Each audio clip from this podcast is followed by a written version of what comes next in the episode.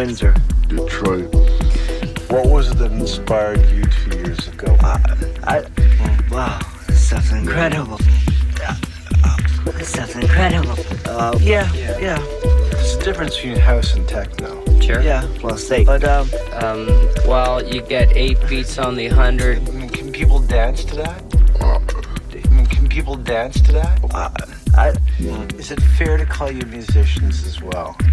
Um, well, m- uh, in the, in the, the, we play live, but I, we play live.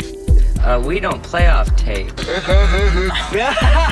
you know, but I think some of the stuff we've been doing lately has been like more repetitive. You know, but I think some of the stuff we've been doing lately has been like more repetitive. It just gets a groove going. You know, but I think some of the stuff we've been doing lately has been like more repetitive. You know, it grooves just extra.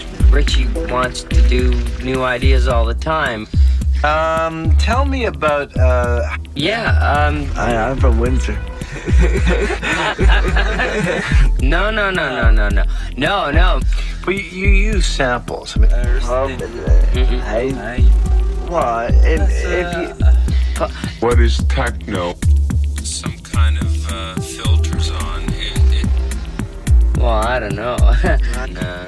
oh, from our minds to yours.